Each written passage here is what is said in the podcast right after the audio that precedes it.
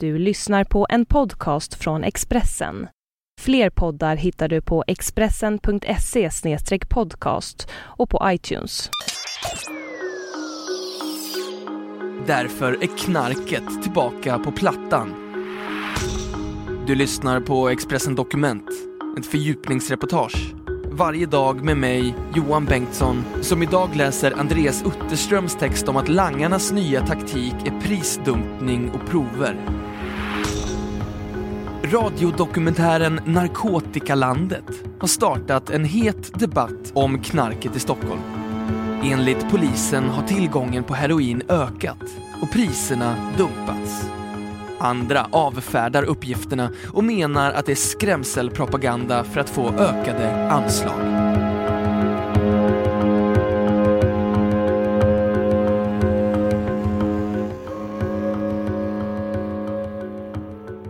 Mitten på 2000-talet pustade Stockholmspolisen ut.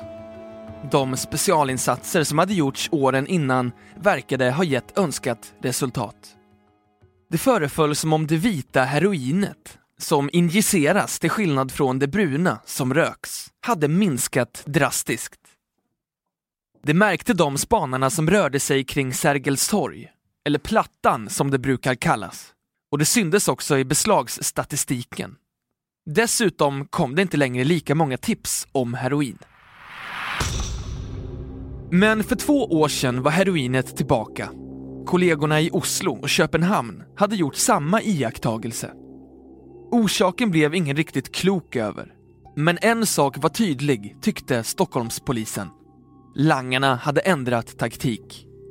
Priserna har dumpats och nu är det inte längre köparen som rör sig till platsen för affären, utan säljarna som är mer aktiva. De jobbar längs hela pendeltågs och tunnelbanenätet. Man kan nästan tala om hemleveranser, säger Fredrik Näslund, chef på narkotikaroten vid länskriminalen i Stockholm.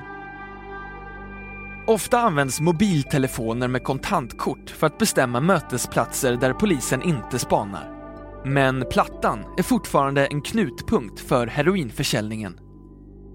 Det blev journalisten Randi Mosige Norheim varse när hon i höstas arbetade med radiodokumentären Narkotikalandet, vars två första delar nyligen har sänts i P1.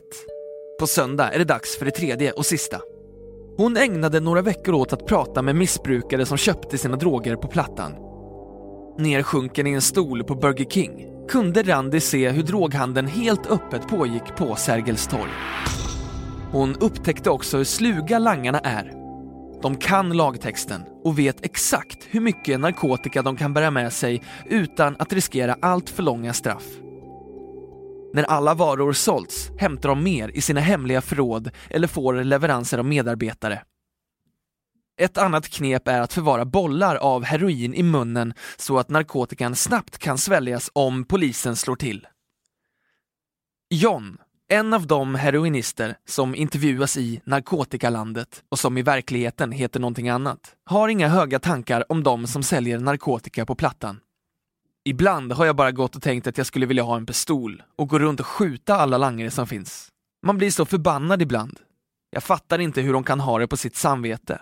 Att sälja någonting och sen höra två dagar senare att någon har dött av deras grejer, säger han i dokumentären.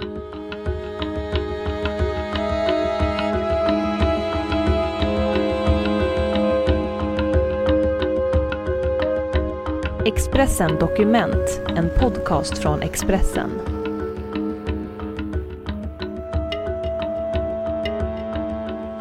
Jag har fått jättemycket reaktioner på programmen.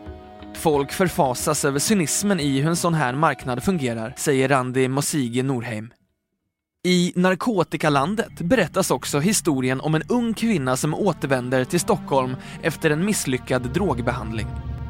Den hårda konkurrensen gör att langarna till varje pris vill ha henne tillbaka som kund. Därför får hon till en början gratisprover. Snart är kvinnan fast igen och betalar som vanligt för sin dagliga dos. Men Berne Stålenkrans, ordförande i Svenska Brukarföreningen, ställer sig frågande till uppgifterna. Han misstänker att polisen, i en ständig jakt på högre anslag har ett intresse av att framställa situationen på Plattan som värre än vad den i själva verket är. Vår förening har ett sprututbytesprogram i Stockholm dit 100 personer kommer varje dag. Och vi gjorde en ovetenskaplig undersökning där vi frågade om gratisproverna. Ingen, inte en enda av de aktiva narkomanerna hade hört talas om det där, säger han. Berner Stålenkrans är också skeptisk till polisens beskrivning av de dumpade priserna.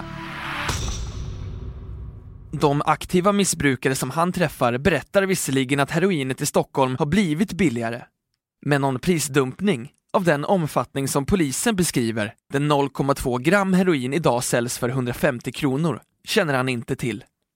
Det handlar snarare om att det som tidigare kostade en 500 nu går att köpa för 400 kronor. Jag tror dessutom att de sjunkande heroinpriserna till stor del beror på att kvaliteten har blivit avsevärt sämre, säger Berner Stålenkrans. Att utbudet idag är så stort att efterfrågan inte riktigt räcker till är dock en uppgift som han, åtminstone delvis, köper. Det finns någon form av sanning i det. Antalet personer som går på metadon eller Subutex har ökat kraftigt och det är naturligtvis ett stort avbräck för heroinlangarna, säger han. Även om det råder delade meningar om prisdumpningar och gratisprover så finns det en verklighetsbeskrivning som ingen protesterar mot. Att heroin är en cancersvulst. Kostnaderna för samhället blir höga. Dödligheten bland missbrukarna är stor och livet förvandlas till ett helvete. Även för anhöriga utan drogproblem. Så hur ska försäljningen, och framförallt de storskaliga smugglarna som ligger bakom, bekämpas?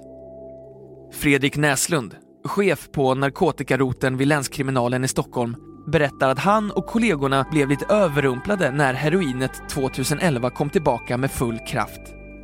För att anlägga moteld startades den 1 september ett projekt som innebär att samtliga polisdistrikt i Stockholms län ska satsa på extra resurser på att bekämpa just heroinet. Satsningen pågår till och med maj och Näslund hoppas att den ska bidra med viktig information om de nya spelarna. För kring dem finns idag många frågetecken. Vi har inte varit så framgångsrika i den här typen av ärenden den senaste tiden eftersom vi saknar kunskap om hur smugglarna jobbar, säger han. De som styrde heroinhandeln i början av 2000-talet var medlemmar i grupper med tydliga strukturer. De nya langarna ingår i plattare organisationer och lösare sammansatta nätverk. De hjälper varandra utifrån vem som har tillgång till varor just den dagen. Man kan jämföra det lite med hur ungdomar får tag på tobak och alkohol, säger Fredrik Näslund. Enligt honom kommer heroinet som säljs i Sverige från början ofta från Afghanistan och Asien. En etablerad smugglingsrutt går via Balkan. En annan går via västafrikanska nätverk som använder kurirer som sväljer heroinet i någon europeisk storstad och sen sätter sig på ett plan till Arlanda eller Skavsta flygplats i Stockholm. Fredrik Näslund låter inte alltför optimistisk när han beskriver polisens arbete mot smuggling och försäljning av heroin. Vi har begränsade resurser och måste prioritera. Det här är en svår problematik där vi alltid ligger steget efter.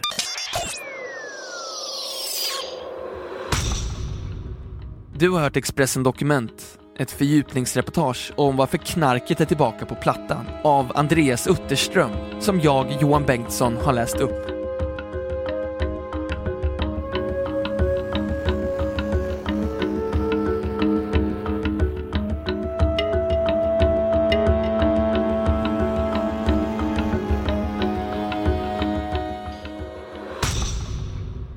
Du har lyssnat på en podcast från Expressen. Ansvarig utgivare är Thomas Mattsson. Fler poddar finns på Expressen.se och på iTunes. Ett poddtips från Podplay. I podden Något Kaiko garanterar östgötarna Brutti och jag, Davva, dig en stor dos skratt. Där följer jag pladask för köttätandet igen. Man är lite som en jävla vampyr. Man har fått lite blodsmak och då måste man ha mer. Udda spaningar, fängslande anekdoter och en och annan arg rant. Jag måste ha mitt kaffe på morgonen för annars är jag ingen trevlig människa. Då är du ingen trevlig människa, punkt. Något Kaiko, hör du på Podplay. Därför arkadeinerna.